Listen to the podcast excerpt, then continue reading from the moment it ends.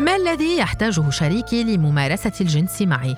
أميرة حسن الدسوقي ممارسة الجنس من وجهة نظري يجب أن تكون عفوية دون ترتيب مسبق، إحساس يسيطر علينا في لحظة ويشعل بداخلنا الكثير من المشاعر المتأججة والتي تدفعنا نحو الشريك برغبة وحب. لكن الأمر ليس بهذه السهولة بالنسبة للمرأة، فهي يجب أن تقوم بمجموعة من المهام الجسدية حتى تكون جاهزة لممارسة الجنس.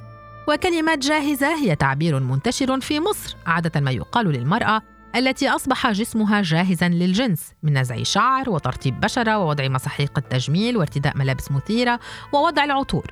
وعادة ما تنصح الأم ابنتها قبل الزواج أن تكون دائما جاهزة لزوجها لحين شعوره بالرغبة ليمارس الجنس معها. والأمر على هذا النحو ليس فقط مرهقا بل هو مكلف ماديا وفي أغلب الأحوال لا يشارك الرجل ماليا في تفاصيل تجميل شريكته حتى تكون جاهزة له. منذ أيام قليلة كنت أقرأ تصريحا لخبيرة التجميل أمينة شلباية عن ضرورة اهتمام الرجل بنظافته الشخصية من أجل المرأة التي سيمارس الجنس معها. وهو ما جعلني أدرك أن أبسط الأمور التي هي مطلوبة من الرجل أصبحت محل نقاش وتطالب بها المرأة. في حين أن الرجال لا يكتفون بنظافة المرأة الشخصية فبعد مرحلة النظافة الشخصية العادية مثل الاستحمام هناك العديد من المراحل الأخرى التجميلية التي يطالبون المرأة بها. وقد قابلت في حياتي الشخصية رجالا يرفضون ممارسة الجنس إذا لم تكن تضع المرأة مساحيق تجميل كاملة.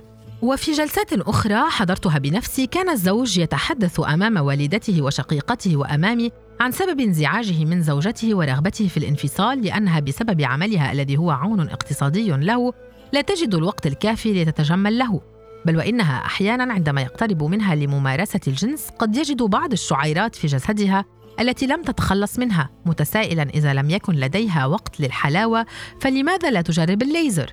قالها ببساطة شديدة وكأنه حل سحري غير مدرك أن الجلسة الشهرية للليزر قد تكلف ما يقترب من ألفي جنيه مصري. بالطبع لن يتكفل بهم بنفسه وأن المرأة تحتاج ما قد يصل إلى 12 جلسة حتى تتخلص من الشعر نهائيا ثم جلسات نصف سنوية.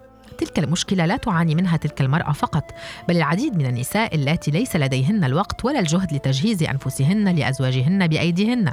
بسبب ضغط العمل خارج المنزل ومهام المنزل فتضطر المرأة اللجوء لمراكز التجميل والتي أصبحت أيضا باهظة الثمن. وإذا قررت المرأة أن تسهل الأمر على نفسها وتوفر بعض المال وتستخدم ماكينات الحلاقة فستجد ردود أفعال من شريكها صادمة خاصة في المجتمع العربي. وقد سمعت رجلا يقول من قبل ما تحطيش الماكينة بتاعتك في الحمام أنا مش عايش مع واحد صاحبي. هذا بجانب التعليق دائما على درجة نعومة الجلد بعد استخدام الماكينة. وإذا انتهت المرأة من مرحلة التخلص من شعر الجسد بسلام فهذه المرحلة الأولى فقط والتي قد تتكلف في مركز تجميل عادي دون ليزر.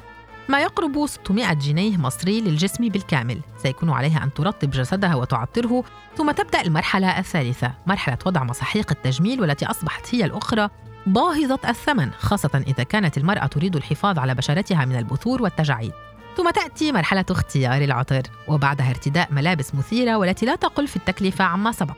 ويجب أن يكون هناك تجديد في هذه الملابس حتى لا يشعر الرجل بالملل ويبص برا. بالنسبة لي أحتاج شهريا إلى ما يقارب 4000 جنيه دون مبالغة إذا أردت أن أكون جاهزة لزوجي على مدار الشهر وهو أمر مستحيل تحقيقه. هذا الرقم الذي يتطلب عدد ساعات عمل قد تتخطى الأسبوع والأزواج في مصر النسبة الأكبر منهم لا يشاركون الزوجة في هذه المصاريف ولكنهم يطالبونها بنتيجتها فقط. والآن ما الذي يحتاجه شريكي لممارسة الجنس معي؟ لا شيء سوى الانتصاب بعضهم لا يكلف نفسه عناء الاستحمام قبل ممارسة الجنس. وحتى إذا فشل في الانتصاب فقد حلت تلك المشكلة العقاقير الطبية والتي تباع بثمن زهيد للغاية في مصر. فنجد أن على المرأة بذل مجهود وتحمل آلام جسدية وإنفاق نصف مرتبها تقريبا حتى تكون جاهزة طوال الوقت لشريكها لممارسة الجنس بينما لا يحتاج الرجل إلى أي مجهود أو إنفاق مال لهذا الغرض. وفي المقابل في الكثير من المجتمعات العربية بعد أن تبذل المرأة المال والجهد لتكون في قمة رونقها لا تطلب ممارسة الجنس في الوقت الذي تريده بل يجب عليها أن تنتظر الزوج ليأخذ الخطوة الأولى حتى لا تكون جريئة بمعنى أن المرأة قد تقوم بكل هذه المراحل دون أن تضمن ممارسة الجنس في الوقت الذي ترغبه وتحتاجه. ولكنها يجب أن تكون جاهزة على أي حال في حالة أن الرغبة راودت الرجل في ممارسة الجنس. الوضع كله غير منصف بالمرة. وأصبح خاليا من الحب والمشاعر. فالرجل يتعامل مع المرأة قبل ممارسة الجنس معها على كونه مراقب للجودة. ولديه الكثير من التفضيلات والتعليقات التي لا يسمح للمرأة بمناقشتها وإلا سيكون رد فعل الزوج هو إحراجها أمام أسرته وأسرتها لتكون أمامهم مش مهتمة بنفسها ومش نظيفة. وفي المقابل لا يكون للمرأة حق مطالبة الرجل بأي شيء قبل ممارسة الجنس معه.